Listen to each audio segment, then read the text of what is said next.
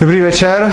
Jsem moc rád, že jste přišli i navzdory celkem malý deklarovaný účasti. Je vás tady teď překvapuje hodně, což je pro tuhle tu přednášku hrozně dobrý. A ona je daleko spíš podle mě určená pro už jako libertariány, protože je to docela high level téma. Na druhou stranu si myslím, že i ti z vás, kteří by tady byli třeba poprvé, protože nějaký nový tváře vidím, si z toho můžou něco odnést. Uh, napřed uh, se teda podíváme na tom, o čem si budeme povídat a proč. Uh, tahle přednáška je o policentrickém právu v kostce. Uh, možná někteří z vás, kteří sledují moje přednášky a videa, tak viděli, že v Polis jsem o policentrickém právu mluvil. A byly to dvě přednášky dokonce a každá z nich byla strašně dlouhá.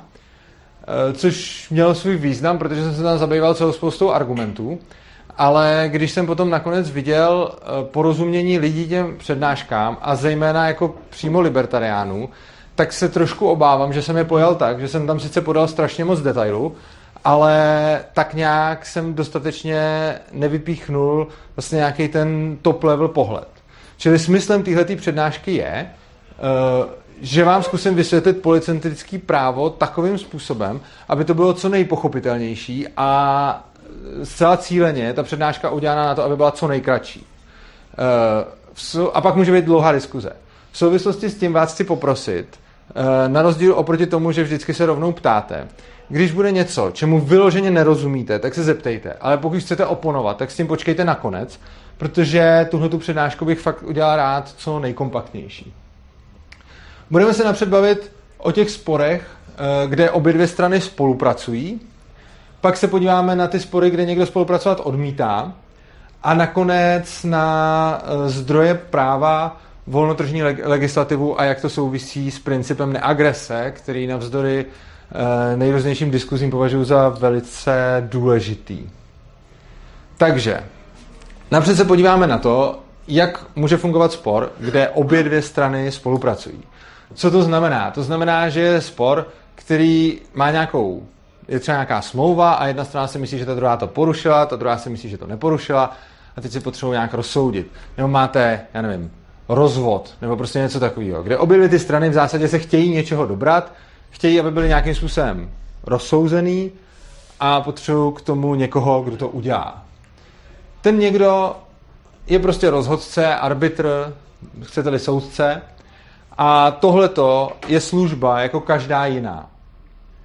E, funguje to dneska, fungovalo to v historii. E, největší tradici to má asi ve Spojených státech, kde prostě volnotržní, nebo jako volnotržní dřív, dneska už spíše jenom jako soukromí, protože už jsou legislativou regulovaní.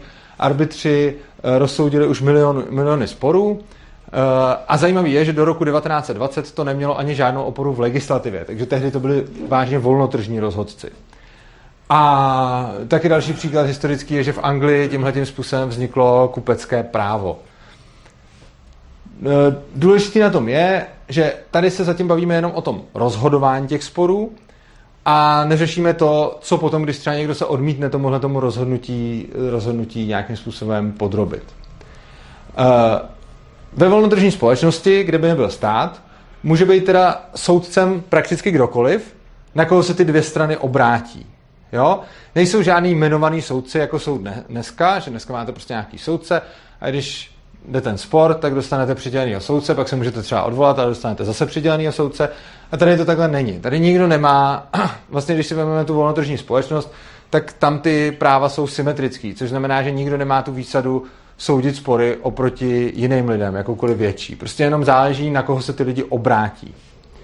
No a typicky to může být ošetřený už předem ve smlouvě, což znamená, že dneska, když uzavíráte smlouvu, tak tam není žádná doložka o tom, kdo bude rozsuzovat případy, kde se nějakým způsobem ty strany nedohodnou a ta doložka tam není z toho důvodu, že je jasný, nebo většinou tam není, občas tam i být může, ale je jasný, že pokud je to třeba na území České republiky, tak se prostě obrátíte na státní soud a tím to hasne.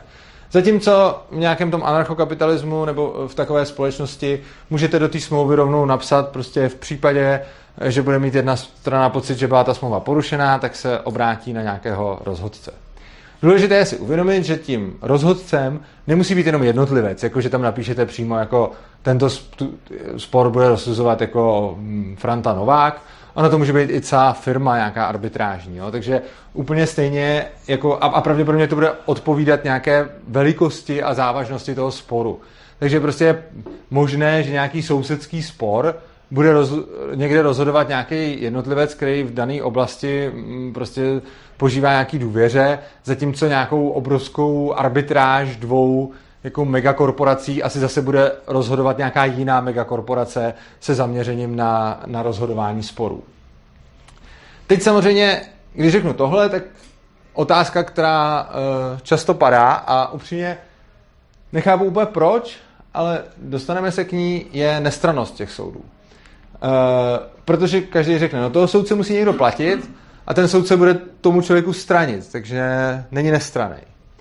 K tomu bych rád řekl dvě věci. Ta první je, že kdyby to tak skutečně bylo, tak o služby takového soudce nebude vůbec zájem.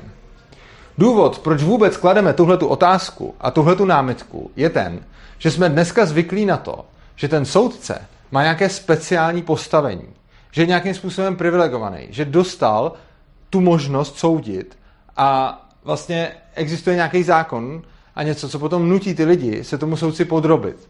Takže je potom jasný, že kdyby ho jedna ze stran platila, tak on dál může být soudcem, protože ho tam jmenoval nějaký zákon, ale nějakým způsobem nemusí být nestraný.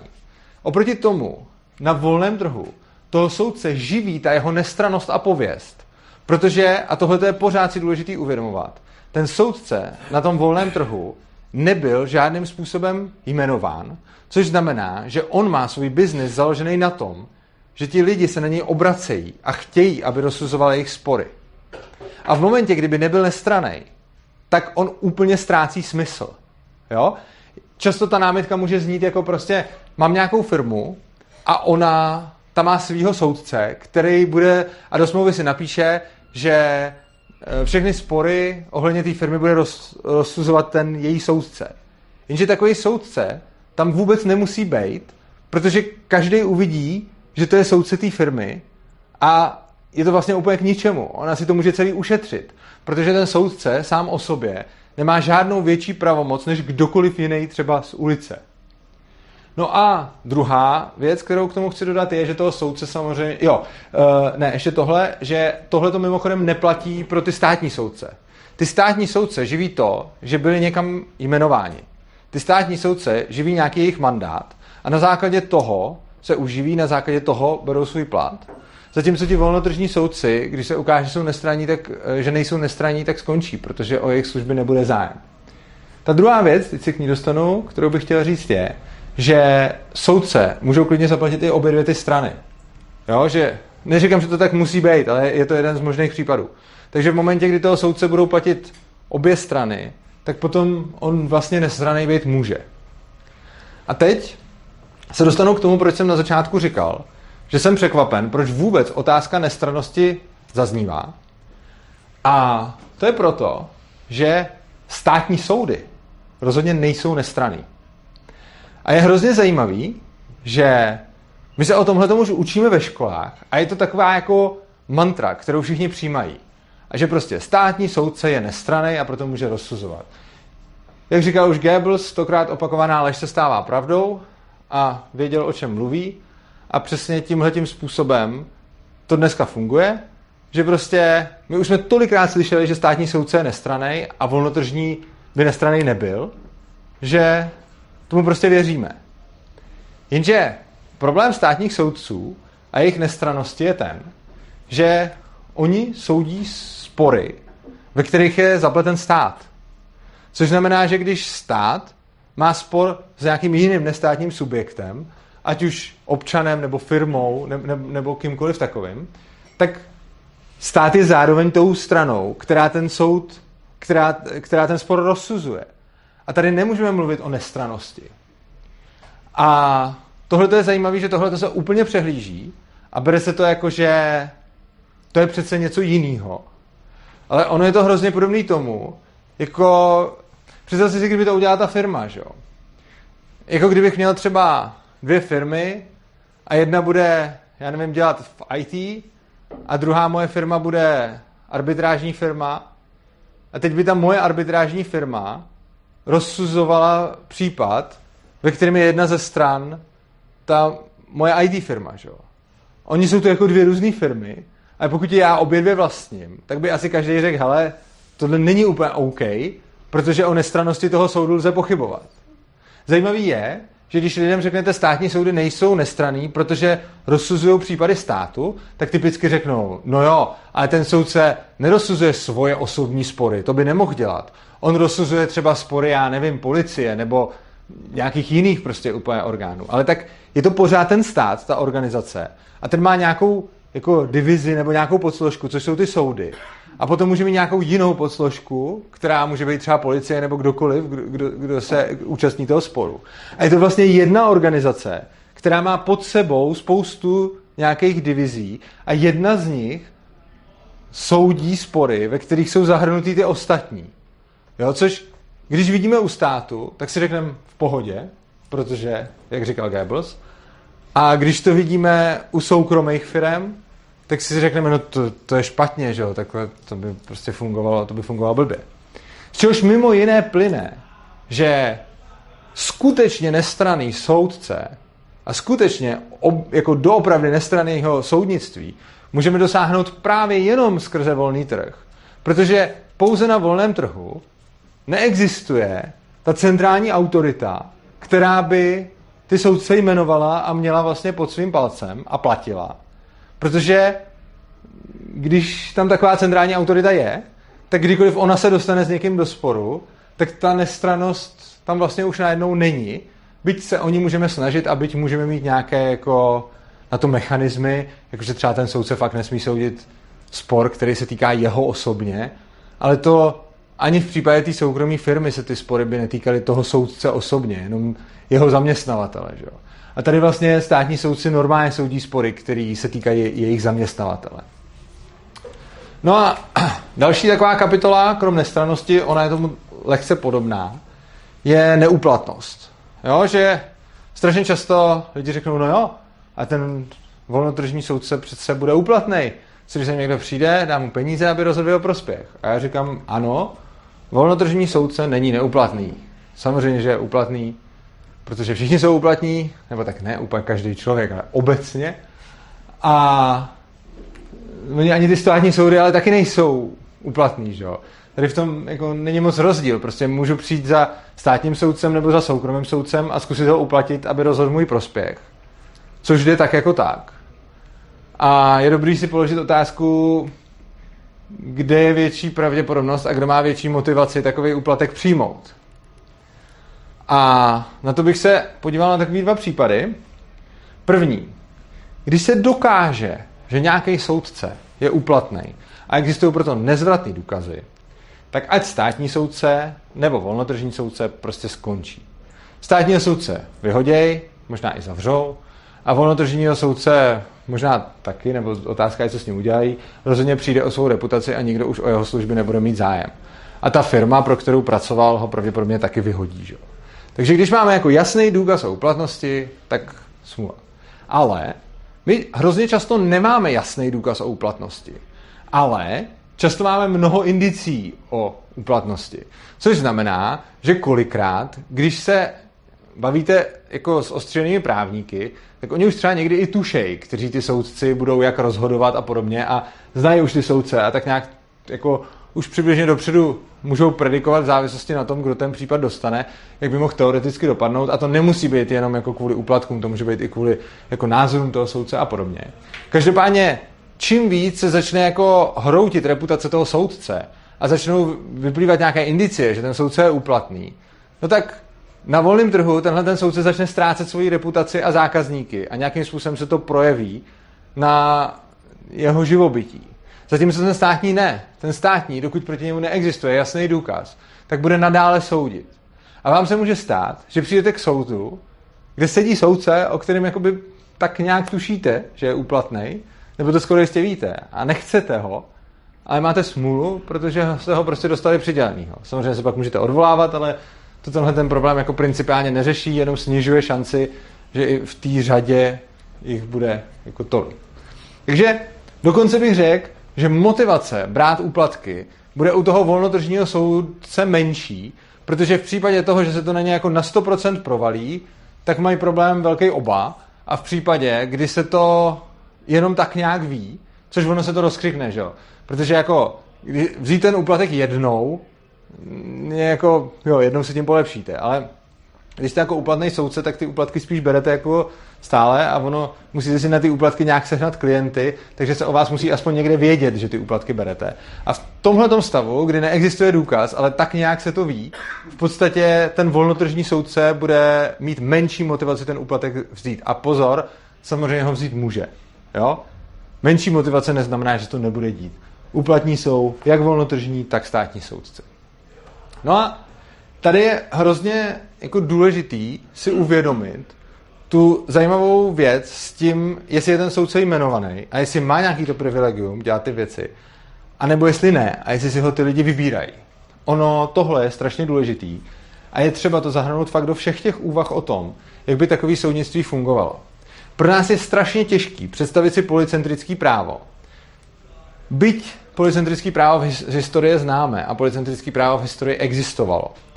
Na druhou stranu uh, bylo jich skutečně menšina, takže většinou bylo právo centrický, jak máme tady teď. Ale když žijeme v centrickém právním systému, tak představovat si ten policentrický je fakt těžký. Vím to sám, protože se těma těma představama zabývám už jako víc než 10 let a jako pořád vlastně docházím k nějakým novým a novým závěrům, že mi třeba něco nedošlo, nebo se mi něco nespojilo a tak dále. A to v tom sedím fakt jako strašně moc a hrozně moc se tím zabývám. A je to opravdu těžká představa, protože když žijeme v něčem, tak se strašně těžko představuje něco úplně jiného. A myslím si, že jedna z nejdůležitějších otázek u toho soudnictví je právě ta, to, jakým způsobem ten soudce vzniká. Jestli je prostě dobrovolně vybraný, anebo jestli je prostě nějakým způsobem stanovený. A v podstatě to, že je dobrovolně vybraný, má všechny myslitelné výhody, a to například takový, že ohledně motivace brát úplatky, ale i ohledně toho, že třeba obě dvě ty strany nebude rozsuzovat soudce, s kterým třeba ani jedna nesouhlasí. Jo. To se může taky stát, že prostě dvě strany přijdou k soudci, ani jedna s ním není spokojená, ale, ale blbý, protože byl přidělený. Že? Tohle jsou všechno jako nevýhody. Přidělený soudce má jednu jedinou výhodu a to je ta, že následně je to jeho rozhodnutí nějakým způsobem vymáháno. Nicméně tahle ta výhoda lze nějakým způsobem na volném trhu taky překlenout a obejít. A tím se dostáváme k druhé části téhle přednášky a to je strašně zajímavá věc. A to, že teď jsme se bavili o případech, kdy obě dvě ty strany spolupracovaly. Ale neřešili jsme případ, kdy třeba někomu někdo vezme peněženku, uteče a pak řekne, já na to kašlu, já se prostě soudit nechci, protože ví, že to udělal. Nebo ani případ, že tam přijdou dvě strany a řeknou, my se podvolíme rozhodnutí toho soudce, ale potom, když to pro jednu dopadne blbě, tak řekne, sorry, já se mu nepodvolím a čus. A tohle je zdánlivě problém eh, volného trhu a jeho soudců a tohle to je otázka, na kterou i mnoho libertariánů a anarchokapitalismu a anarchokapitalistů nedokážu, nedokáže dost dobře odpovědět. A často jsem zjistil, ne proto, že by to nevěděli, ale proto, že ono je to v literatuře a vůbec popsáno hrozně složitě. A kdykoliv o tom čtu, tak je fakt jako je třeba o tom strašně moc načíst a to, co jsem se pokusil teď, je to nějakým způsobem zhustit, ba dokonce do jednoho slajdu a zkusím to tímhle způsobem nějak předat a doufám, že to bude dávat smysl. Takže, co když jedna ze stran nespolupracuje? Co v takovém případě dělat? No, oběť se může obrátit na nějakou firmu, která vymáhá právo. Takováhle firma bude určitě existovat, protože po všem, po čem je poptávka, tak vznikne i nabídka, takže když lidi chtějí mobilní telefony, tak někdo vyrábí mobilní telefony a když lidi chtějí vymáhání práva, tak někdo bude vymáhat právo. No a obyť se na takovouhle firmu může obrátit, jo, třeba vám někdo ukradne prostě auto, vy třeba, tak se obrátíte na firmu, detektivní, ať ho vypátrá a ať vám to auto vrátí. Že? No, tak ona ho třeba vypátrá, jenže co teď? Že? Teď máme nějakou oběť, v případě, že je útočník neznámý, tak to je stejný jako dneska, jako když prostě nevíme, kdo to udělal, tak tak smůla, což je i dneska, prostě když ho policie nevypátrá, tak ho nevypátrá, že jo. E, přičemž ale samozřejmě to soukromá firma ho bude vypátrávat spíš, protože dneska, nevím, jestli má někdo z vás jako zkušenost s tím, když přijdete na policii, že vám něco ukradli, tak vám v podstatě už rovnou řeknou, že máte smůlu a že to teda sepíšeme. A vlastně už chování těch policajtů je jasný, že nebudou nic dělat, protože jdou nasazovat botičky, protože za to se líp schání čárky, takže uh, jako se na vás vykašlou, ta firma, který za to platíte, by se na vás ani vykašlat teoreticky nemusela. Samozřejmě taky mohla, že jo, ale to je otázka. Jenže, samozřejmě pak je tady, co když i ten útočník se obrátí na firmu vymáhající právo. Jo. Vy jste poškozený, zaplatíte si firmu a řeknete, byl jsem poškozený, chci nápravu. A teď ten útočník, co vás poškodil, třeba ať je to zloděj, nebo vás někdo zmátil, nebo cokoliv, tak, tak se taky obrátí na firmu a řekne, hele, jak si taky ochranu, že jo? No a co teď? Teď máte proti sobě dvě firmy a co oni budou dělat? Jako, že každý má zákazníka, který chce nějakou službu a tak první, co napadne většinu lidí, zejména kritiku, je, tak ty firmy určitě půjdou a, a postřílejí se prostě. A tím se to bude řešit. No, jasně, když by byli jako všichni strašně hloupí, tak by to přesně takhle vypadalo, ale ono to, krom toho, že postřílet se jako není moc chytrý už od pohledu, ale tak to by třeba jsme mohli říct nějaký jako zlý kapitalisty nezajímá, tak ale ono to především není jako ekonomicky výhodný. Protože jako válka je prostě drahá. Jo? Ta firma, kdyby měla jako jedna firma klienta, který mu ukradli auto a druhá zloděj, který to auto ukrad, a teď by jako kvůli tomu měli jít a vyslat na sebe prostě svoje ozbrojence a začít po sobě střílet, tak tím přijdou o ty lidi, přijdou tím o materiál, ještě tím napáchají spoustu škod okolo a výsledku z toho nebude ekonomicky profitovat nikdo. Že? Takže je v zájmu těch firm se nějakým způsobem proti téhle eventualitě pojistit. Že? A jak ono se to dá udělat? Uh, ono se to dá udělat tak, že ty zásahy se dají podmínit rozhodnutím soudce. Což znamená, že smlouva, kterou uzavře ta bezpečnostní agentura nebo ta firma vymáhající právo se svým klientem, nebude vypadat tak, že když sem přijdete a ukážete mi, koho mám sejmout, tak toho sejmu. Ale ona bude vypadat daleko spíš tak, že řekne, když sem přijdete a budete mít pocit, že jste poškozený, tak pokud nějaký soudce, k tomu se dostanu dál jaký, uzná, že jste fakt byl poškozený, tak v tom případě vám pomůžeme. A teď taková firma může mít nějaký seznam soudců, ať už jsou to soudní firmy nebo konkrétní lidi, to je jedno. Prostě máte bezpečnostní agenturu a její smlouva s váma vypadá způsobem. Pomůžeme vám, pokud následující soudce, a když neměl čas ten první, tak to udělal ten druhý a tak dále, bude tam nějaký algoritmus prostě popsaný, jak se ten soudce vybere. Pokud ten soudce uznal, že jste v právu, že jste nikomu nic neudělali, že jste poškozený, tak v takovém případě se za vás postavíme. A tohle krásně elegantně řeší to, že když úplně stejnou smlouvu bude mít a ta druhá firma, tak se nemůže stát, že by najednou obě dvě ty smlouvy zavazovaly ty firmy k tomu, aby se šly pobít. Ale bude se dít to, že obě ty firmy se obrátí na nějakého soudce, který bude třeba v průniku těch jejich seznamů. A ten soudce rozhodne, kdo je v právu. A za toho, kdo je v právu, se postaví ta jeho firma a ta druhá logicky nemusí dělat nic, protože tu ta smlouva už nezavazuje, protože ji zavazuje jenom v případě, že ten soudce řekl, že ten člověk je v právu. Jo, takže máme člověka A, člověka B, člověk A, soudce rozhodne, že je v právu, člověk B, soudce rozhodne, že je útočník. V tu chvíli firma, která e, prostě má za klienta toho člověka A, tak mu bude pomoct, protože se řekl, že je v právu, a firma, která má za klienta toho člověka B, tak mu pomoct nepůjde, protože se logicky rozhodlo, že není v právu. Že? Případně tam může být jako napsáno, prostě obě dvě firmy budou postupovat v souladu s rozhodnutím toho soudce a zajistí výkon jeho rozhodnutí. Což řeší i ty případy, kdy se oba dva na toho soudce obrátí, ale potom jeden podle rozhodnutí řekne, hm, sorry, tak to prostě nechci a kašlu na to. Tak zase obě ty firmy ho můžou nějakým způsobem k tomu, eh, k tomu donutit.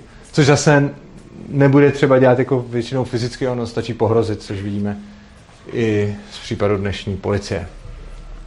V podstatě tohle je nesmírně elegantní způsob, jak se ze sporu, kdy nějaká ze stran odmítá spolupracovat, udělá spor kdy obě dvě strany spolupracovat chtějí.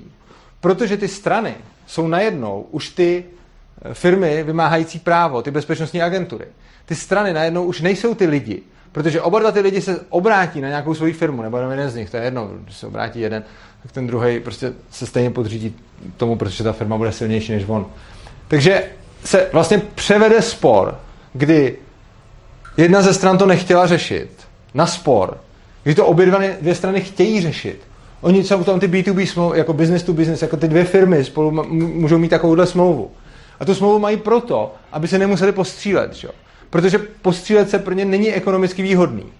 Takže je to úplně stejné, jako když máte dneska pojišťovnu, tak každému je jasný, že ta pojišťovna neudělá to, že kdokoliv tam přijde a řekne, skořil mi barák, takže by ta firma, ta pojišťovna hned šla a zaplatila mu celý očkodný. Proč? No, protože se, když si ho zapál a tak dále. Takže ta pojišťovna tam pošle svoje lidi a ty lidi budou pátrat, jestli to pojistné plnění má nebo nemá zaplatit. Ta pojišťovna se bude samozřejmě snažit ho nezaplatit. Nicméně, když tady je to úplně to samé, prostě. Vy máte nějakou firmu, která vám zajišťuje akci v nějakém případě a ta firma si bude ověřit, jestli je třeba dělat tu akci podle smlouvy. Protože lepší, než poslat někam prostě armádu ozbrojenců, je zaplatit ten čas toho jednoho soudce, který třeba řekne, hele, tady není třeba jednat, a protože ten člověk není v právu, protože ten člověk třeba to násilí inicioval a tak dále. Což je vlastně hrozně dobrý, že když napřed pochopíme to, jak funguje uh, spor stran, kdy obě dvě spolupracují, tak teď máme spor stran, kdy jedna nespolupracuje a ono se vlastně stačí obrátit na strany, kdy obě dvě spolupracují. A tím se to jako řeší. No a takhle v kostce mohlo fungovat volnotržní vymáhání práva. Říkám, mohlo fungovat z důvodu, že samozřejmě volný trh nelze úplně přesně predikovat, takže tam můžou být jako věci jinak, že jo? Je to, ale je to ukázka té možnosti. Jo? Spousta lidí tvrdí, že to nejde vůbec. Že prostě na volném trhu není možný, aby se domluvili, protože když nebudete mít jmenovaného soudce a policii a tak dále, tak to prostě nemůže fungovat. Tohle je ukázka jednoho modelu, který by fungovat mohl. Samozřejmě takových modelů bude celá řada a já tady ukazuju ten aspoň jeden, který ukazuje, že, že to jako jde. Prostě. No a poslední, čemu bych se tady rád věnoval, je, jak v takovémhle prostředí volnotržním vůbec vznikají zákony. Jo? Uh, legislativa totiž nebude tvořená centrální autoritou. No, teď jsme si řekli, jak, jak ty soudci rozhodují, co se pak děje, ale vlastně není ještě úplně jasný, podle čeho rozhodují ty soudci. No a tady jsme zvyklí na legislativu, zákony, která je prostě tvořená nějakou centrální autoritou, což by ale na volném trhu nic takového nebylo. Takže ta legislativa by byla vlastně vytvářena volnotržně těma arbitrážníma firmama v jejich volné soutěži. A prosadila by se ta legislativa, která bude lidem nejvíc vyhovovat, jako u čehokoliv jiného. Je těžký si to představit proto, že žijeme v centrickém právu a je těžký si to představit proto, že na to nejsme zvyklí. Ale úplně stejně, jako spousta lidí si tady za socialismu nedokázala představit, že by na volném trhu byly zajištěny potraviny. A řešilo se to tady ještě v roce jako třeba 89-90. Jako v 90. roce se ještě řešilo, že když stát nebude zajišťovat potraviny, co když umřeme hlady, co když prostě se někde neotevře ten krám s potravinama, jo, a tak dále, protože ty lidi si to neumějí představit. Tohle je stejný. Prostě legislativa může úplně stejně vznikat ve volnotržní soutěži, jako v ní můžou vznikat potraviny, jako v ní můžou vznikat prostě, já nevím, třeba léky, jako v ní můžou vznikat dovolený, nebo třeba, já nevím, doprava, cokoliv prostě. Takže zase, každá ta firma vlastně arbitrážní vytvoří svoji v úvozovkách legislativu. Ta legislativa musí být ono to neznamená, že bude mít zákonník. Oni ty firmy, a zase, tady to je ten volný trh, že my nevíme, co bude nejlepší. Některá může soudit podle precedentů. Některá může mít nějaký základní pravidla a zbytek nechat na tom soudci. Některá může mít detailně rozepsaný zákonník prostě, jo. Každá ta firma může přicházet s něčím. Těch firm bude spousta, každá s něčím přijde. A ta legislativa, která bude nejlíp vyhovovat lidem, na tom volném trhu prostě zvítězí. Úplně stejně jako ve všem, ve všem ostatním. Je hrozně důležité si ale uvědomit, že tyhle ty legislativy nemůžou být z principu úplný nonsens kvůli tomu, co jsme si vlastně říkali na tom minulém slajdu. Ono to nesmí vést k tomu, že by se všichni tam postříleli kvůli dvou klientům. Jo.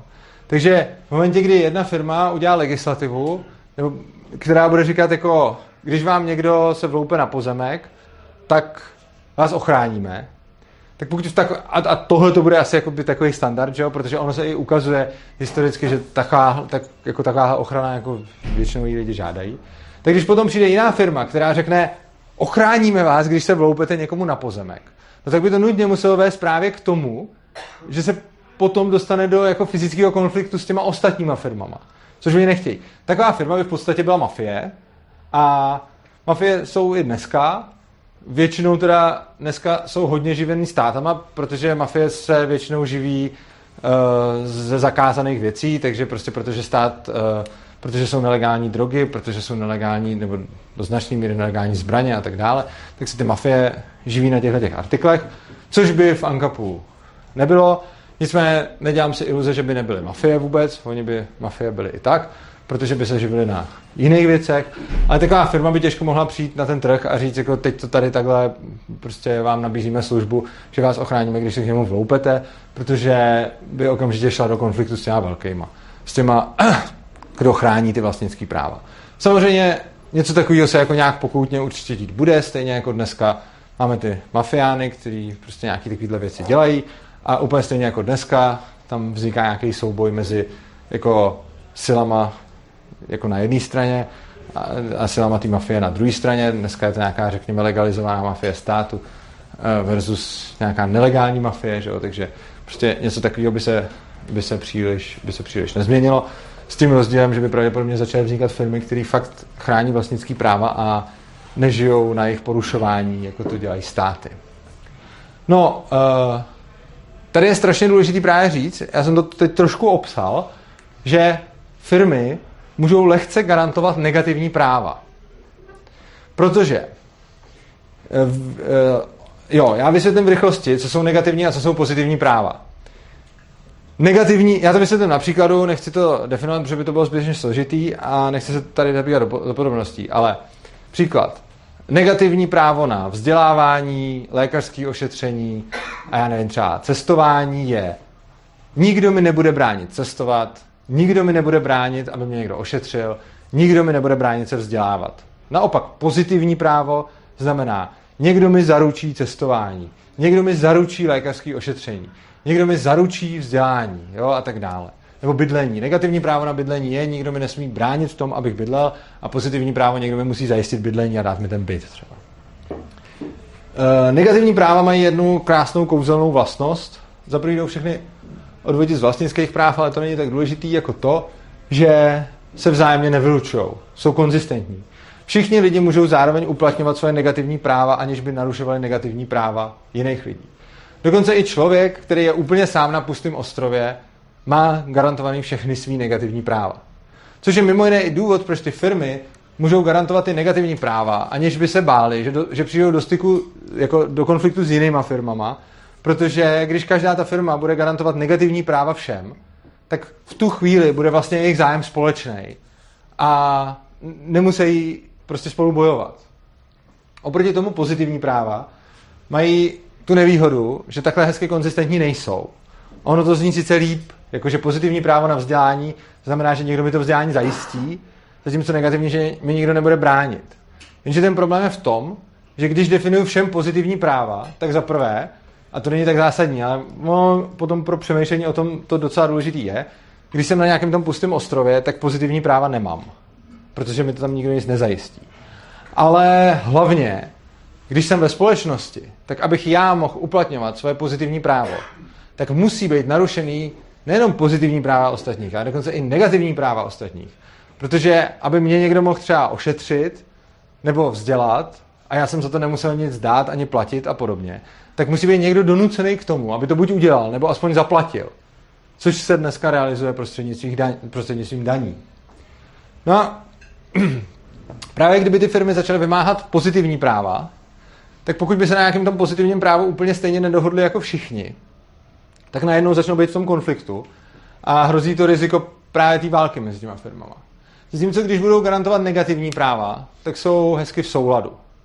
Což je i důvod, proč i historicky většina policentrických práv strašně moc konverzo, eh, konvergovala k principu neagrese, tedy k negativním právům. Eh, krom toho, že to je takhle logický, jak jsem to vysvětlil, tak, tak, tak je to právě ukázané na těch příkladech, kdy prostě, kde jste měli jako reálný policentrický právo, já nevím, třeba nějakých částí Spojených států, nebo prostě nějakým Islandu, částečně v Irsku, i trošku v té Anglii, ale tam bych nechtěl úplně do toho, do toho zabrušovat.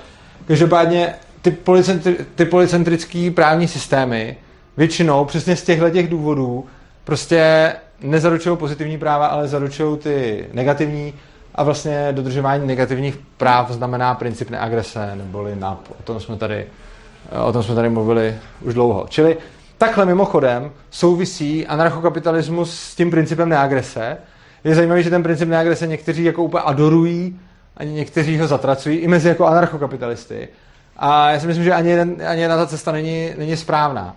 Ono to spolu souvisí, ale samozřejmě to neznamená, že na trhu úplně všechno bude vždycky podléhat principu neagrese. Příklad, umím si představit, že třeba bude velký tlak ze zákazníků na to, aby lidi nesměli třeba týrat zvířata. Což není v rozporu s NAPem.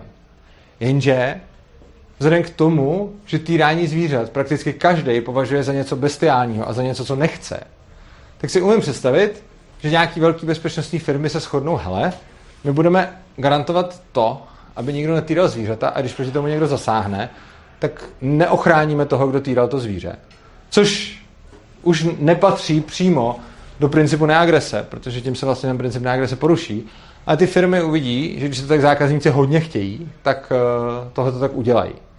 Na druhou stranu právě uh, historie ukazuje, že tam, kde se nastolí nějaká demokracie, kde se o tom hlasuje, tak lidi strašně moc chtějí pozitivní práva a na ta negativní se rezignuje. Zatímco tam, kde, se, kde to právo zůstává policentrický, tak tam se takových odchylek vyskytuje minimum. Uh, osobně nevím o společnosti, která by byla úplně přesně v souladu s NAPem. Jako nikde jsem žádnou takovou historicky jako nenašel, že by jako se tam dodržel stoprocentní princip neagrese a negativní práva. Ale je zajímavý, že ty různé společnosti, a to i takový, který o sobě nemohli nějak vědět a vyvíjeli se úplně jinde, tak se nějakým způsobem k těm negativním právům a principu neagrese blížili, protože ono to dává logicky smysl. Byť k němu nikdy jako asi ne, nedokonvergovali, nebo mi není nic takového známo. No a to je pro dnešek všechno. Jo, to jsem stihnul docela hezky rychle, to jsem rád. To je snad moje nejkratší přednáška, což jsem doufal. A jenom zopakuju, co jsem tady říkal a potom, potom můžeme dát diskuzi. Za prvý, uvědomit si je důležité, že rozhodování sporů je služba jako každá jiná a může být zajišťovaná i tržně. A ostatně i dneska do nějaký míry je. A i třeba v těch Spojených státech do roku 1920 byla zajišťovaná uh, jako úplně volnotržně, aniž měla jakoukoliv oporu v zákonech. A stejně to lidi využívali, i když k tomu žádná legislativa nebyla. To právo může být volnotržně vymáháno a je tam důležité si uvědomit, to je vlastně jako takový highlight, který bych chtěl předat, že ten spor, kde ty dvě strany nespolupracují, se dá převést na spor, kde spolupracují. Když se obrátí na firmy, které se tímhle tím živí, vydělávají na tom, je to jejich živnost, je to jejich biznis a oni vlastně potom uh, je v jejich zájmu spolupracovat. No a s tím pádem z toho plyne, že i ta legislativa a ty zákony budou tvořeny volnotržními procesy, přičemž já nemůžu dopředu říct takhle tady, jestli ta legislativa bude vypadat tak, že to budou precedenty, nebo bude mít nějaký detailní zákonník, nebo nějaký obecný. Já to nevím. To neví nikdo. Ale když bude spousta lidí, jako podnikatelů, kteří v tomhle oboru budou chtít podnikat a živit se, tak každý zkusí to, co považuje za nejlepší a na tom volném trhu uspěje ta možnost, která bude lidem nejvíc vyhovovat. No. A tohleto jsme si tady dneska řekli a já bych vás chtěl poznat, eh, pozvat na první dubnovou středu. Bude přednáška, kterou bude tady mít Tereza. A bude povídat, to bude zajímavý, zajímavý téma, protože bude povídat o různých etických aspektech medicíny. Konkrétně tam bude řešit potraty, eutanázie a tak dále. A hlavně vůbec rozhodování o vlastním životě. Ta přednáška bude 3. dubna, bude v 19 hodin a bude zase tady. Na Facebooku už máte událost, tak se tam můžete rovnou přihlásit. Já vám děkuji za pozornost a chtěl bych vás poprosit za prvé, komu se přednáška líbila a dávala mu smysl. My samozřejmě nebereme žádný peníze ani podporu od státu, takže žijeme z dobrovolných příspěvků. Tady máme kasičku, do které můžete hodit uh, takový obnos, jaký uznáte za vhodný. Případně jsou na ní QR kódy, na který můžete posílávat bitcoiny a litecoiny. Já ji tady nechám, já ji tady nechám kolovat a uh, v souvislosti s tím chci poprosit obecně, komu uh, činnost svobodného přístavu dává smysl, tak na stránce opristavu.urza.cz můžete najít uh, cestu, jak nás třeba pravidelně podporovat, což je něco, co rozhodně potřebujeme, protože vlastně jenom díky vaší podpoře můžeme dělat to, co děláme. Takže já vám děkuju a dám prostor pro dotazy. Super. Uh, Ale bych měl jenom takovou poznámku v podstatě, jak tam řešíš ty spolupracující, nespolupracující firmy, tak bych řekl, že pěkná taková paralela by bylo řešit to, jak spolu vlastně spolupracují v téhle oblasti nebo nespolupracují státy, když jako někdo spáchá zločin a prchne do nějakého sousedního státu, ano. A teď končilo, jakou vlastně ty státy mají motivaci ano. řešit nějaký zločin, který se stane někde jinde, oproti třeba tomu, když to dělá firma. Já bych řekl zase, že kdyby se tohle to porovnalo, tak na nějaký tý teoretický úrovni by z toho zase ty firmy vyšly, protože se mi zdá, že ty státy vlastně, i když teď jsou nějaký ty mezinárodní dohody a tak dále, o tom, jak se budou vydávat ty zločince, tak stále nemá jako tu motivaci prostě tohle to nějak dělat. Jo, to je určitě zajímavý, nemám to rozmyšlený. Každopádně ti fakt děkuji za tuhle připomínku, protože, a to by mohlo zajímat všechny, státy jsou vůči sobě v podstatě ve vztahu jako anarchie. Ne anarchie jednotlivec k jednotlivci, ale ty státy jako entity. Oni nemají nad sebou už žádnou vyšší autoritu a žádný jako zákonník nebo ně, někoho, kdo by je rozsuzoval. Oni si mezi sebou mají nějaké mezinárodní dohody. A přesně i ty státy mají v podstatě spolu dohody o vydávání zločinců a o tom, že budou nějakým způsobem spolupracovat. Protože žádný ten stát nemá úplně zájem na tom, aby ty zločinci prostě mohli překročit hranici a páchat tam dál tu trestnou činnost. Což je mimo jiné příklad těch firm taky, který k tomu budou mít obrovskou motivaci. Protože když máte nějakou firmu, která se živí vymáháním bezpečnosti a bere od lidí často i paušální poplatky za to, že je chrání, tak pro tu, není v zájmu té firmy, aby hodně zločinců pobíhalo v ulicích. Protože tyhle ty zločinci budou přepadat jejich klienty a oni to potom budou muset řešit. Daleko více v zájmu těch firm spolupracovat s těma ostatníma, aby to zločince chytli, protože potom na tom eh, nebudou, potom na tom nebudou tratit eh, to, že budou muset vyvíjet další aktivitu, až ten zločinec ten svůj čin zopakuje. Takže děkuji za připomínku. Ano? takovou mám jednu nebo dvě, záleží, jak na na tu otázku. Takže eh, myslíš si, nebo obecně já si třeba myslím, že ne vždycky bude v zájmu té agentury, aby se postavila svého klienta. Že já to vím z praxe, že firma má prostě nějaké své klienty, nějaký klienty má, který si cení, nějaký, který by radši odkopla, tak si myslím, nebo myslím, že tady hrozí to nebezpečí, E, nemyslím oproti státu, ale myslím oproti jiným modelům vymáhání práva, než ty prezentuješ.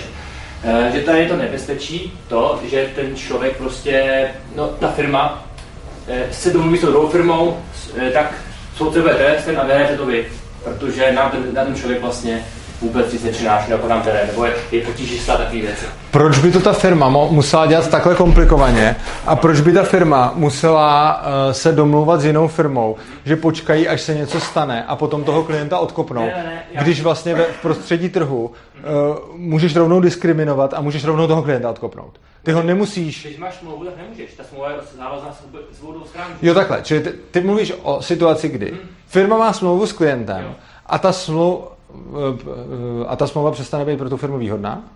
Jo, a nebo ten, takhle, já to vím z praxe, že, jo, že prostě jsme měli nějakou, nějakou tu a prostě nějaký klient furt nám třeba volal nebo furt obtěžoval, a říká, no tak jako ty náklady na, na ně už jsou větší než, ne, než na většinu jen, lepší by bylo, aby tu smlouvu ukončil. Takže se jsme snažili dělat to, prostě, aby ten klient nějak ukončil smlouvu, jsme neměli tak příjemné takové věci, aby ukončil, jo. Ale, ale ne vždycky to ukončil, protože oni nadávají ty lidi, ale nic neukončil. Jo, takže jak by se tady v tomhle tom případě to, to mohlo řešit, že jako mě napadá jedno vysvětlení. No ne, na tom volném trhu ta firma může v podstatě tomu klientovi říct mnohem víc než teď.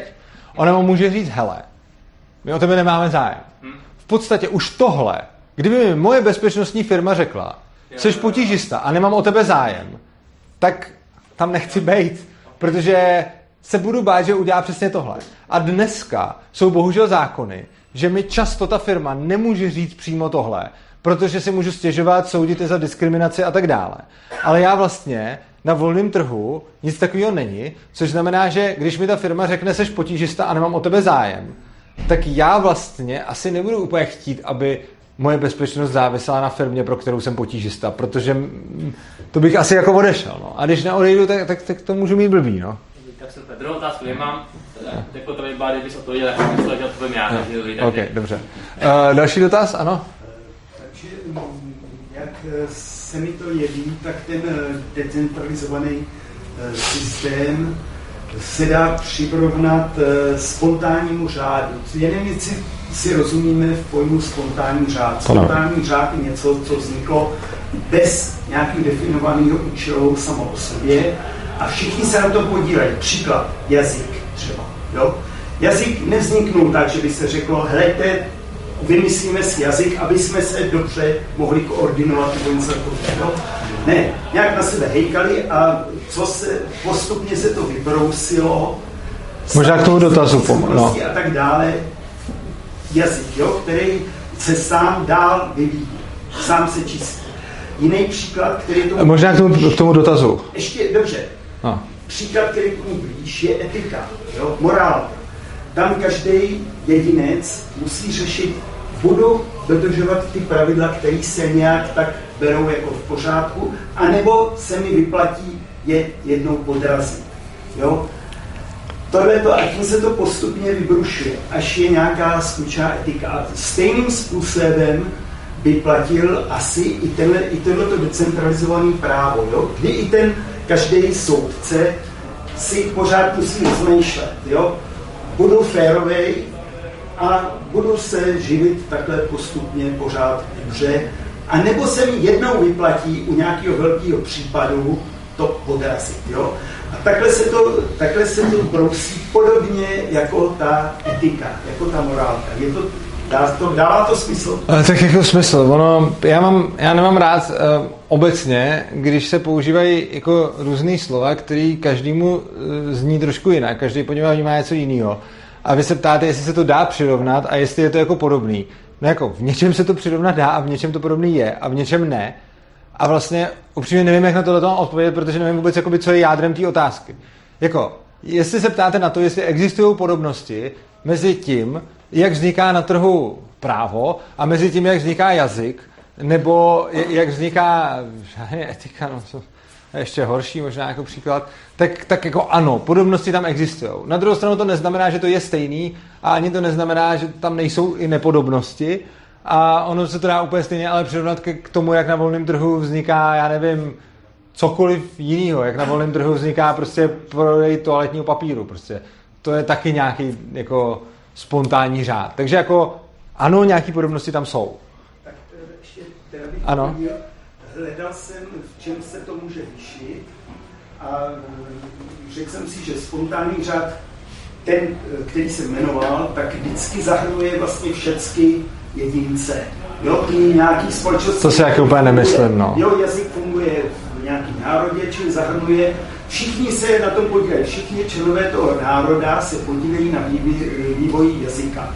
Jo? Zase všichni třeba na nějakém ostrově se budou podílet na vývoji ty jejich morálky. Teď otázka, jak moc všichni, ale A teď dobře. Jde o to.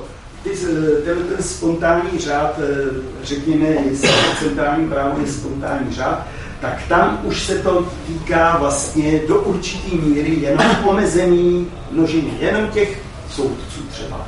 Ale ne, zase ne, protože, protože ten soudce může být kdokoliv. Ano, Takže jakoby týká se teoreticky všechno. Prosím, ale k nějakému konkrétnímu dotazu. Jako to, ne, jako je to strašně abstraktní, na co se ptáte, a já vlastně ani nevím na co. Já vás tím nechci nějak urazit, jenom... Ne, ne, ne, tak, jo. mám dotazy. Jo. A, a na co jste se teda...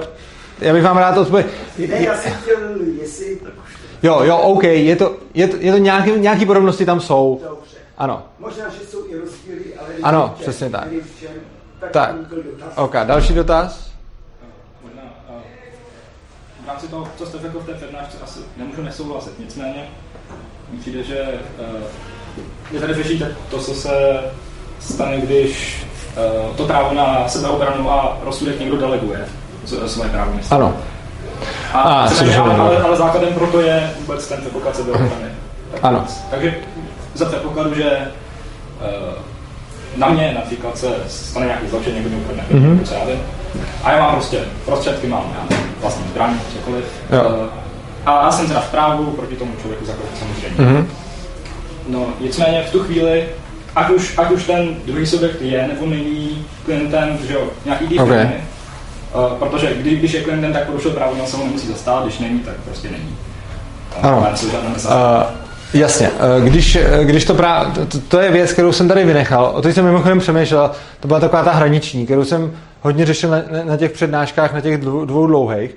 Spoustu věcí jsem vypouštěl a tohle to byla jedna ta, u které jsem váhal a nakonec jsem ji vypustil. Ale je to dobrý dotaz.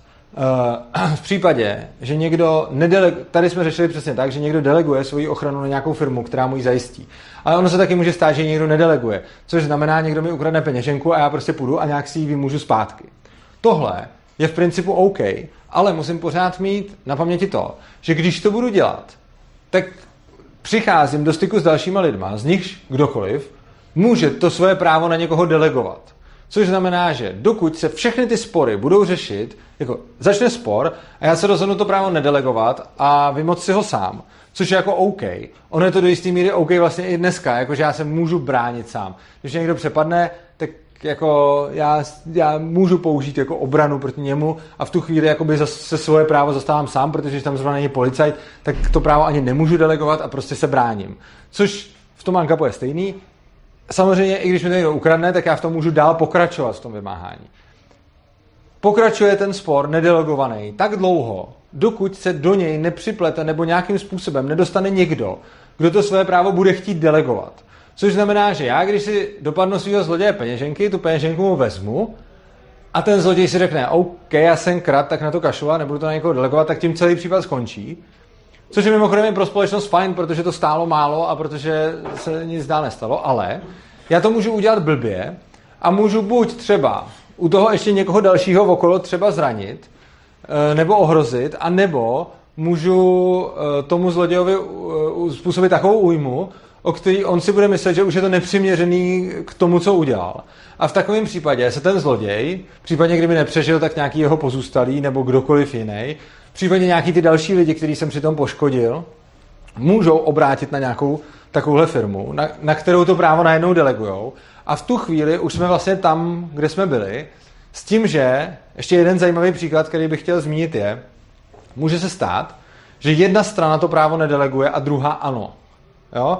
Takže třeba uh, mám s váma spor, já si platím bezpečnostní agenturu a vy ne, protože nosíte kvér a věříte si. A teď jakoby na mé straně je ta obrovská síla a na vaší není. A v tu chvíli ale ta moje obrovská síla má se mnou z důvodu, který jsme si vysvětlili tu smlouvu, že mi pomůže pouze v případě, že nějaký ten soudce rozhodne o tom, že já jsem oběť a, a vy jste útočník. Čili tam platí to samý. A v momentě, kdybyste vy měl pocit, že ta moje obrovská síla, ta firma, nebo ten soudce jsou nějaký fakt proti vám zaujatý a budete si jako fakt jistý, že to je jako v podstatě podvod, tak vy se v každém tom momentě můžete obrátit na jinou velkou sílu, která, vás, která se vás vlastně zastane. Tady je jakoby dobrá otázka ještě v tomhle že co kdybyste na to třeba neměl peníze, a tohle to je hrozně dobrý, jakože když vlastně tady vidíme tohle, tak vidíme, že ty služby jsou nějakým způsobem placený, ať už paušálně, typu, že prostě dávám každý měsíc pěti kilo nebo tisícovku firmě, i když se mi nic nestane, anebo tak, že se mi jednou něco stane a já dám té firmě prostě já nevím, třeba 50 tisíc za to, že, to, že, něco udělá, nebo záleží na tom, jak velký je to, jak velký je to případ. Tak z toho by se dalo jakoby usoudit, že vlastně v takovém případě je teda právo jenom pro ty, kdo mají peníze a pro ty, kdo nic nemají, to právo není. Což třeba, kdyby mi ten, ten argument někdo řekl, tak já bych asi to musel odkejvat, jenže ono je hrozně super na volném trhu to, že lidi, když je jich strašně moc a řeší ty problémy jako denodenně, dokážou vymyslet mnohem víc než kdokoliv z nás jako u stolu. A tohle je něco, co bych asi určitě nevymyslel.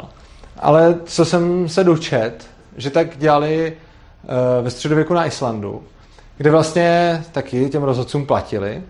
A teď ty chudí lidi, kteří nic neměli, tak vlastně řešili problém, no jo, a co když se mi něco stane, jako jestli jsou jako lovnou zvěří pro ty bohatý. A ukázalo se, že ne, protože když jim někdo něco udělal, tak a, a oni byli v právu, že fakt nic neudělali a někdo je napad, tak ten, kdo je napad, musel zaplatit odškodný že jo, za, to, za to, co udělal. Jenže oni ho neměli jak vymoc, protože neměli nikoho, kdo by se za ně postavil. A oni to elegantně vyřešili tak, že prodávali část toho svého budoucího potenciálního očkodního za to, že se za ně někdo postaví. Což znamená, že třeba byl někdo bohatý a silný nebo mocný a on nabít prostě tisícovce chudejch to, že když mu dají třeba polovinu toho očkodného, takže on pro ně bude to právo vymáhat. A to je stejný tady. Vy třeba, kdyby eh, jsme měli ten sport, ve kterém já bych byl útočník, a vy byste neměl peníze na to, abyste si zaplatil nějakou službu, která vám pomůže, tak si můžete tu službu, a oni by to ty firmy pravděpodobně poskytovali, protože je to pro ně výhodný zaplatit způsobem, hele, já teď nic nemám, ale pokud vy můžete moje právo, protože jsem byl poškozený, tak si můžete nechat polovinu očkodného, který já za to dostanu. Čímž pádem vy sice nedostanete plný očkodný, to je pravda, ale na druhou stranu dostanete aspoň něco, anebo i kdybyste nedostal nic, tak aspoň nejste jakoby snadný cíl pro kohokoliv bohatýho, kdo by vás mohl prostě napadnout, protože on za to bude muset nést ty následky, protože ho k tomu někdo donutí. A ty následky samozřejmě nemusí být jenom očkodný, že jo? to zase je otázka toho trhu, včetně té legislativy se budou tvořit i tresty, že jo? takže já nemusím jenom platit očkodný, já můžu přijít i k nějaký další úhoně, otázka jak jaký. Já jenom nemám to pořádně rozmyšlení, ale mě právě v tomhle tom napadlo, na tom, tom centralizovaném soudnictví je vždycky jako určený nějaký strop, kam mm-hmm. můžeš jako dojít tím odvoláváním a kde je prostě konec a kde ti řeknou, hele, prostě fakt nejseš v právu a jako smíř se s tím a jako, Aha. jako máš smůl. A tady vlastně ta smlouva, na základě kterýho, na základě který soudí ten soudce, je vlastně taky smlouva, která je napadnutelná. A já, uh, ano. se třeba s tebou budu soudit a že jako jsem ti něco udělal, oni řeknou, jo, jako zaplať mu, jako udělal jsi to, tak já jako můžu ke, jako opakovaně vlastně napadat tu smlouvu, ano. Řetěz, jako, že napadnu tu, toho tu smlouvu, ano, to, vlastně porušil ano. smlouvu, protože jako nerozhod může ten, může ten, smlouvy, ano. Jako úplně... Můžete neustále pořád dokola napadat svoje smlouvy s bezpečnostními agenturama, jejich smlouvy se soudcema, Eh, smlouvy jiný agentury s tím soudcem nebo jiný agentury s tím jejich klientem. Můžete to všechno pořád dokola napadat. A ten strop e, není tvořen teoreticky, jako dneska, ale je tvořen čistě prakticky, protože ono máte jenom nějaký omezený počet těch bezpečnostních agentur, který budou chtít to právo vymáhat. Což znamená, že když vám tam bude operovat 20 bezpečnostních agentur, tak vy máte asi tak 20 pokusů, co udělat a každý ten pokus vás bude stát peníze. Dneska ten strop musí být mnohem nižší proto, že ty peníze za to neplatíte vy, ale ty peníze za to platí daňový poplatník. Zatímco tady si to všechno budete muset platit sám. A pokud vy máte fakt nakonec právo, tak máte, jako jste v právu, tak máte nakonec větší šanci se toho domoct, protože když si to budete furt platit, tak se můžete fakt obrátit na hodně, hodně lidí a můžete se furt na někoho obracet, a aby se to přeskoumávalo, takže vlastně jakoby nemusíte skončit. Na druhou stranu, když jste jakoby potížisták a, a všichni vidí, že v právu nejste, tak si vezmou ty vaše peníze a hezky rozsoudí znova a znova vám potvrdí ten samý rozsudek. Že? Což oni udělají asi i rádi. Že? Ten potížista, jako tam, tam, když to bude jasný, tak to bude jasný pro všechny. A když to bude fakt něco jako hodně komplikovaného, no tak, tak, tak jako je ano. hodně na hraně, tak si myslím, že to může jako ano, být tak ten ping-pong. Oni si všichni můžou vzít, ano, oni si všichni můžou vzít vaše peníze, bez ohledu na to, jestli jste potížista nebo jestli je to komplikovaný. Oni si vezmou vaše peníze a udělají to, co udělají. A v momentě, kdy vy se budete neustále dál a dál jako snažit něco a něco napadat, tak jako můžete. Ale ten strop je tvořený reálnýma lidma, kteří jsou schopní to vymoct. Což znamená, že když zjistíte, že už na tom území není nikdo, kdo by byl silnější nebo kdo by dokázal vymoct to rozhodnutí, tak, tak už nic prostě. Protože vy sice teoreticky máte právo se furt obracet na každýho, a už vám je to k ničemu, protože ten strop je tvořený tím, že už tam nejsou další subjekty, na který byste se mohl obracet. Protože každý ten subjekt bude mít nějakou smlouvu s váma, která vám zaručí, kolikrát on to pro vás zkusí udělat. A já nemůžu říct, kolikrát bude v té smlouvě. Já nemůžu říct, jestli ta firma řekne, jednou se to rozhodne a, a čus, anebo jestli vám dá jako dvě možnosti, tři možnosti jako na odvolání a tak. ale prostě bude omezený počet možností, který můžete využít prostě jako v realitě, protože není nekonečný počet bezpečnostních agentur, arbitrážních firm a tak dále. A tím pádem tam ten limit a strop vlastně bude. Tak, další dotaz? Možná ještě, Ano. eh, abych navázal eh, k tomu, eh, jak se zmínil ten islandský model, Mhm. tak vlastně uh, je to vlastně jako elegantní řešení, asi vzhledem k tomu, že to fungovalo historicky, tak reálně pravděpodobně by to fungovalo taky. Nicméně teoreticky se mi zdá, že tam je motivace, uh, motivace k tomu, aby ten člověk došel k újmě, víceméně, protože uh, Protože, ten, protože ta firma vydělává na základě toho, že ten člověk dojde k újmě a potom ona to vyřeší a dostane Ano. eh, peníze od toho Ano. násilníka. To znamená, mm, není jako na místě se obávat, že ta firma by se nějak Snažila- postavit tu motivaci obráceně, když to bude pojišťovna. Když ji budeš platit a když dojdeš újmě, tak jako přesně. Ale ta motivace je, pozor, tam je, tam je hrozně důležitá jako věc. On, ono jenom dojít k újmě nestačí. Ono je totiž třeba, t- jakože často mi lidi řeknou, no jo, tak co když ten bohatý, co bude za, zajišťovat právo těm chudým, je začne sám masakrovat, aby na tom vydělal. Ale tenhle ten dotaz je jakoby divný, protože... Ne, ne, tak co? Ne, tak já to... že, že, že na tom, že bude očkodňovat, jako on, on je ze svých peněz, tak nemůže vydělat na sobě samozřejmě. Ano, přesně tak, ne- nevydělá na sobě, ale tak, tak uh, on, když dojde k újmě, tak on na tom vydělá jenom tehdy, když ale chytne útočníka, že? jo? Jo, jak- jako samozřejmě. Já jsem měl spíš na, mysli, na mysli, jestli... Uh, On, kdyby si někoho zaplatil, aby to pro něj udělal, tak jsme pořád v tom cyklu. No jasně, to, No. to, jsem, to jsem úplně nemyslel. No, Tak co? Jako právě o, o, o, tom je, o tom jde, že mě úplně nenapadá, jakým způsobem...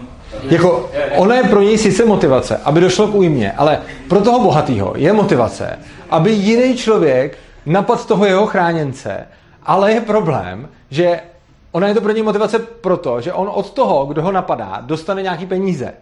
Jenže on by mu musel zaplatit víc peněz, aby to tomu se stálo za to udělat, že by to bylo ztrátový. Jako, Jo, čili vlastně jako ta motivace tam je, ale ono s ní není nic, jakoby, co dál dělat. já, já jsem měl na mysli právě nějaký, ne, jako, je to těžko představitelný, ale myslím, že reálně asi možný nějaký model, kde by tomu člověku platit nemusel. Já nevím. Jo. Eh, jako asi nejmenší věc, co mě napadne, eh, třeba nějaký podně- podněcování nenávisti, když by třeba Ano. zákazník byl žid. a- Dobře, dobře. Teoreticky by mohli podněcovat nenávist a podobně, ale ono, podněcování nenávisti je docela viditelný a oni potom, ty, jako, ty lidi, jakože víte co, jste jako velký jako boháč, který má pod sebou prostě x chudých, třeba já nevím, nějakých afroameričanů nebo někoho a teď vy začnete podněcovat nenávist vůči afroameričanům, abyste inkasoval, jenže oni to vidějí, což znamená, že první, co udělají, je, že s váma zruší ty smlouvy a půjdou k někomu jinému, že jo? Protože proč oni- jako, No jasně, můžete to udělat nějak jako přes někoho, to je pravda, ale tak něco takhle složitýho na tom, jako když už chcete udělat takhle složitou věc, tak to už je celkem snažší způsob, jak přijít k penězům. Jako. jo, jak- jako určitě. No. Jako sam, takhle, všechno jako jde a určitě jde, jako jde udělat to, že jste jako oficiálně ochránce nějaký menšiny, uh, ta vás miluje a vy nějakým způsobem zaplatíte někoho, kdo bude na tu menšinu útočit a nikdo to nebude vědět, to vaše spojení a vy budete potom nebo ani, ani nemůže útočit přímo, on musí někoho podněcovat k tomu, aby ani útočil. Jako tohle to jde udělat, ale prostě to už je tak strašně jako hustý, že jako, když už jdete do tohohle, tak už podle mě jsou jako jednoduchý, jednodušší způsoby, jak, udělat, jak vydělat prachy prostě. Ale samozřejmě to jde. Obecně, jo, to, je, to je jako strašně důležité poznamenat a to platí jako asi v každé společnosti. Jako když máte hodně peněz a jste jako hodně mocnej, tak jako si do jisté míry můžete dělat, co chcete. A můžete třeba nechat kohokoliv třeba zabít, zmizet nebo tak. Ale to i tady dneska, jako. A ono, jako vám to prostě projde, protože když máte dost prostředků, tak prostě máte zároveň tu moc. Takže když jste jako miliardář, tak asi můžete i nechat odstranit nějaký lidi, aniž se vám něco stane. Což jako, není to hezký, ale myslím, jako je asi jedno, v jakém prostředí se to bude dít. Tak, ještě? Teďka to, jako když se na to ty historické systémy vlastně toho polocentrického práva, Mhm. jsou jako víceméně jako feudální společnosti, ne? jako Island, to Řecko a podobně, kde vlastně nebyl volný pohyb obyvatelstva. Irsko, a, no, to, právě, no, to je trošku problém. Což Irsko, no, tře- já dostávám, dostávám se k tomu jako dotazu. že- tam je rozdíl mezi tím Islandem a tím Irskem docela a já jsem nechtěl úplně zabrušovat jako do historických příkladů, ale ano, máte přesně pravdu, s Irskem to takhle je, ale jenom do jisté míry, protože ono to Irsko totiž, často se Irsko uvádí jako příklad anarchie středověký. Já tohle to nemám rád, protože ono je to tak trošku a tak někde a jak kdy.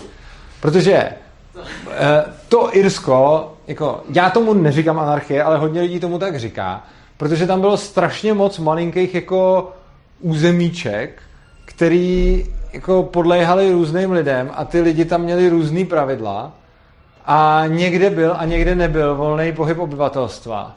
Přičemž ještě je jakoby důležitý říct, že zrovna v tom Irsku i tam, kde nebyl, se to jako dalo obejít, protože oni ty ostatní, co to tam měli, tak zase nespolupracovali s těma, co ne, aby jim zpátky ty lidi vydávali. Takže, ale máte pravdu, principiálně tam teda někde nemusel někdy být volný pohyb obyvatelstva. No, jasný, Přičemž na tom Islandu ale byl zase. To ale jako není to moje otázka, že se k tomu chtěl- OK, jo, pa, omlouvám se, já pardon, povídejte. Že- že jako tady ty historické společnosti neměly ten pohyb obyvatelstva a jako řekněme, ta anarchicko společnost by ho měla. A tím pádem, když je, že tam jako vzniká zajímavý problém, ale jako neříkám, že neřešitelný to vůbec, jenom, že mě zajímalo, jak na to máš perspektivu, nebo jak si myslíš, že by se to řešilo. Máš vlastně omezený množství prostoru, na kterém je možný bydlet, Ano, ale, ale máš, to, máš jako to svět poměrně- třeba. Cože? Jako svět. No jasně, prostě Jo, máš jo. omezený množství prostoru, na kterém můžeš bydlet, Aha. jako jakýkoliv člověk. A, ale zároveň, zároveň ty lidi mají volný pohyb, takže oni vlastně bude velká soutěž o to bydlet jakoby v místech, kde ty smlouvy prostě vypadají nějak. A jako jakým způsobem se potom na volném trhu bude řešit vlastně uh, ta nevyrovnanost toho práva, že někteří lidi budou by- bydlet častokrát na místech, kde to, kde vlastně to právo bude stát za hovno, když to řeknu, No. ale nebudou mít tu možnost, nebudou mít tam prostor, kam se posunout a někam jít. Uh, ono takhle, uh, za prvé, dneska, v podstatě to, co popisujete, je mnohem víc případ dneška. Jakože dneska máte státy, kde to právo vypadá hrozně a státy, kde vypadá o něco líp. Takže vlastně jako máte místa, kde to právo je strašný a máte místa, kde to právo je lepší. Že? Jako to. A v anarchokapitalistické společnosti je ale jedna následující výhoda. On tam furt je ten volný trh, který je tak nějak jakoby všude, což znamená, že když máte místo, kde to právo funguje dobře, a pak máte místo, kde to právo funguje blbě, tak na tom místě, kde to právo funguje blbě, najednou můžou ty společnosti opisovat od těch, kteří to dělají dobře, že? A tím začnou na tom volném trhu vyhrávat.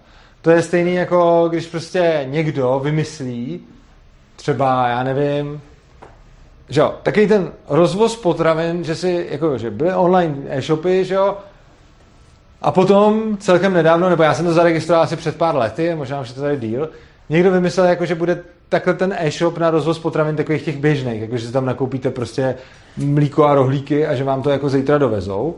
A tak to taky něk, jako, já si nepamatuju, že by tohle tady bylo třeba 10 let zpátky.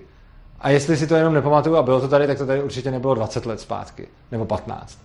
A teď jako nikdo to nedělal, protože to nikoho nenapadlo. A pak to někoho napadlo, že by mohl dělat tohle a prostě dovážet lidem takhle normální potraviny, jako co se kupují prostě v obchodě jako v supermarketu, tak jim je dováží domů.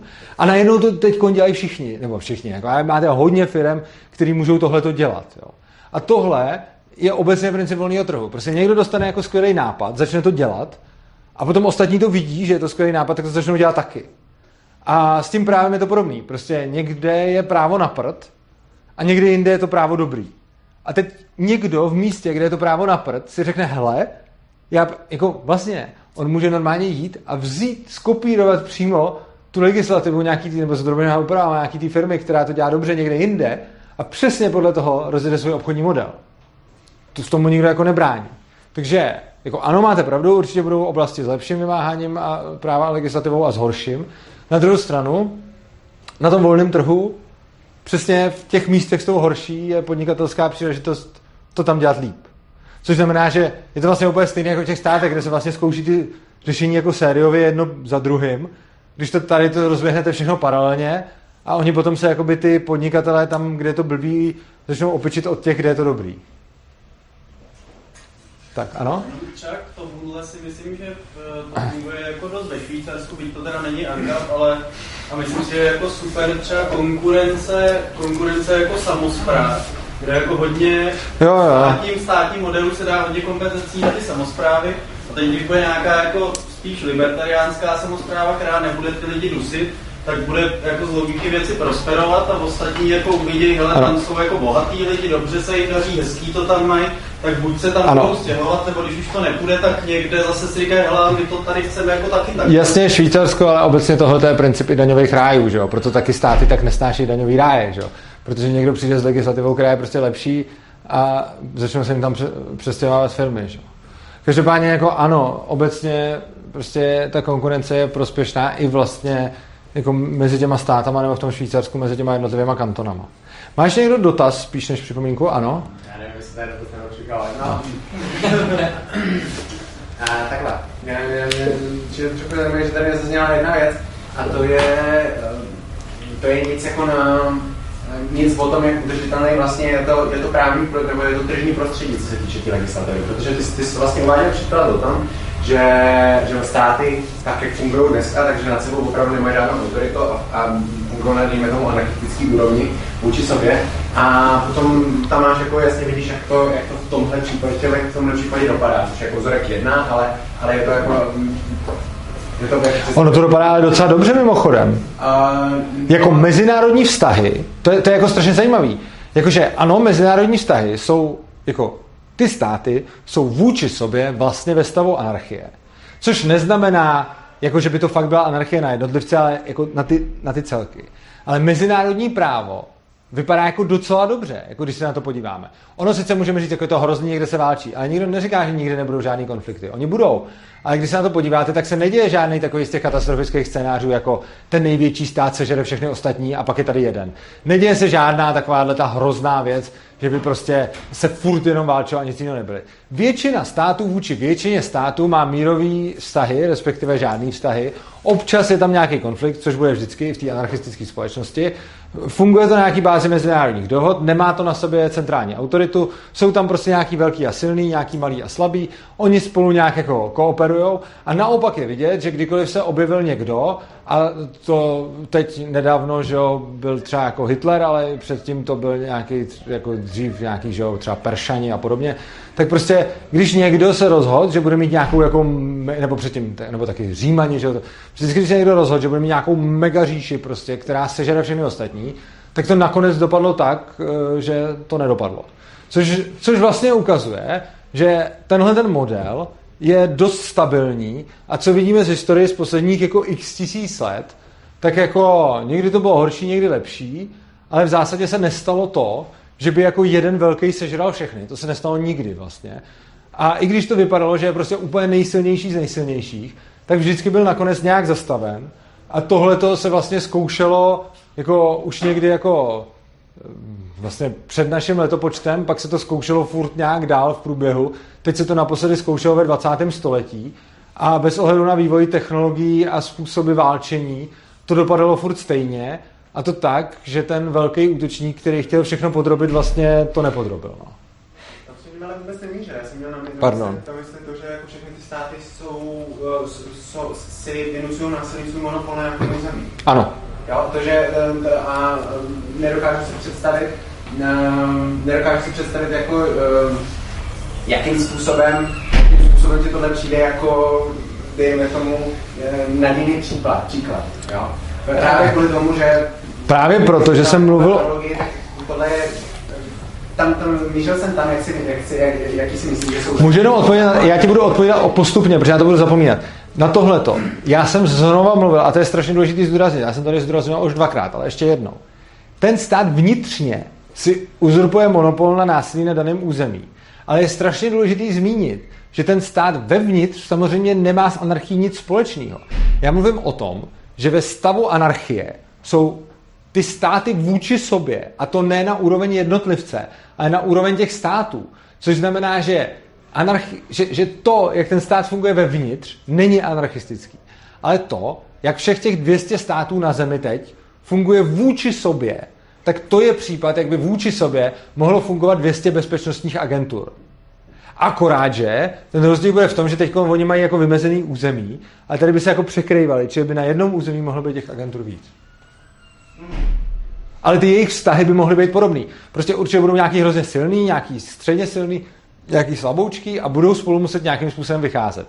A určitě se někdy stane, že nějaká hrozně silná se rozhodne zmasakrovat nějakou slaboučkou, což je jako hrozný a špatný, ale dneska se to děje furt a podle mě to není jakoby vlastnost nějaký anarchie, to je prostě vlastnost jako lidí, že prostě někdo strašně silný zmasakruje nějaký slabý a tomu jsme nikdy nedokázali zabránit za celou historii lidstva a nezabrání tomu ani anarchie a, a státy, no ty to už tomu vůbec nezabránili, ty to spíš jako podporovali a reálně potom prostě nějakým způsobem ty vztahy závisí především na vztahu těch velkých, ale záleží jako pak i na těch malých, že jo.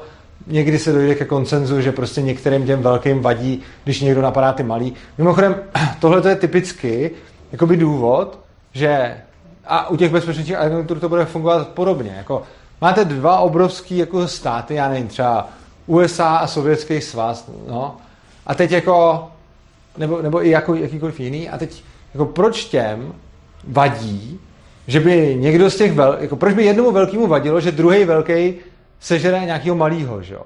No ono mu to nebude vadit z nějakého altruismu, že by mu toho bylo líto. Ale vadí mu to proto, že ten jeho jako soupeř se tím stane jako ještě větším a silnějším. Což znamená, a úplně stejné motivace budou mít ty šéfové těch bezpečnostních agentur. Prostě máte dvě velké agentury a teď najednou vidíte, že někdo třeba bude chtít zmasakrovat malou agenturu, která mu žere klienty, tak, tak je bude chtít k sobě přetáhnout. Ale to ten jeho velký konkurent nebude chtít přesně z těchto těch důvodů. Což znamená, že vlastně oni nemusí být nějaký jako altruisti, že si řeknou, ne, ne, ne, my máme tady líto někoho, ale oni prostě budou normálně soupeřit o moc a tím, jak těch hodně lidí soupeří o moc, tak si vzájemně vlastně házejí klacky pod nohy a drží se v šachu.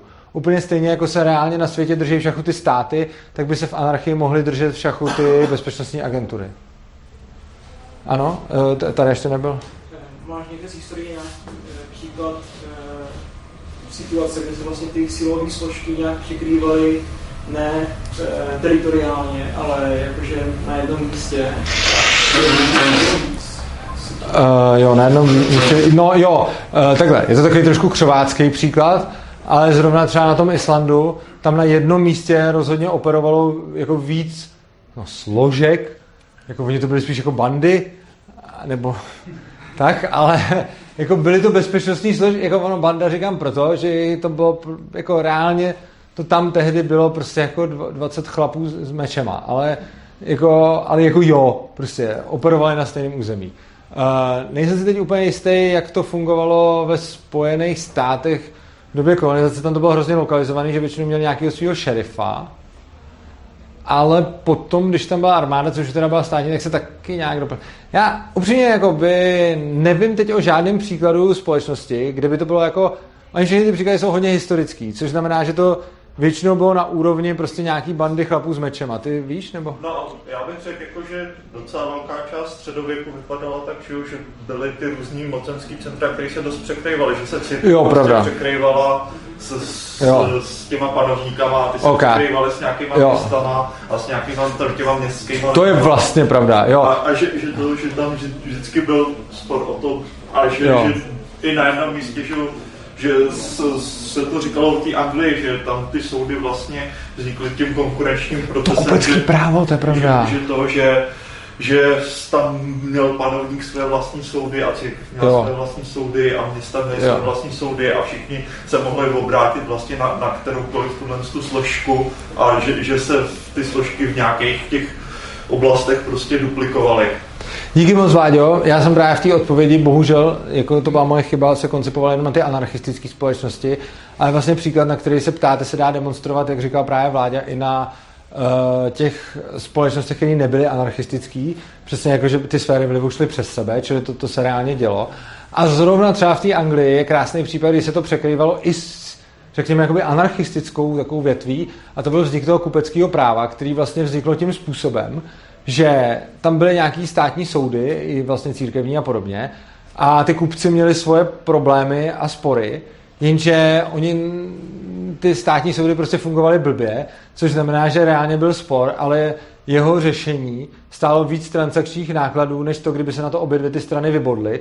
Takže si tam vlastně založili svoje vlastní právo, který fungovalo na stejném území paralelně s tím, s tím panovnickým. Samozřejmě potom v případě, že by jako někdo stejně šel a zkusil jako u královského soudu uspět proti tomu, tomu kupeckému soudu, tak by sice asi uspěl a oni by ty vojáci to potom asi i prosadili, ale ten problém byl v tom, že ono to kupecké právo fungovalo strašně moc pak na principu reputace, což znamená, že on, kdo se nepodvolil, tak ty jeho dodavatelé mu přestali dodávat a ty jeho odběratelé od něj přestali odbírat.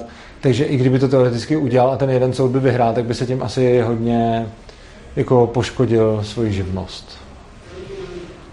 Tak, myslím, máme, když se třeba poslední dotaz, nebo ne? Fajn, to vyšlo. Tak já vám moc krát děkuji za pozornost a věřím, že tohle je jedno z nej eh, jako složitějších témat, tak o něm přemýšlejte a kdybyste měli nějaký dotazy nebo podobně, tak mi můžete napsat. Mějte se krásně.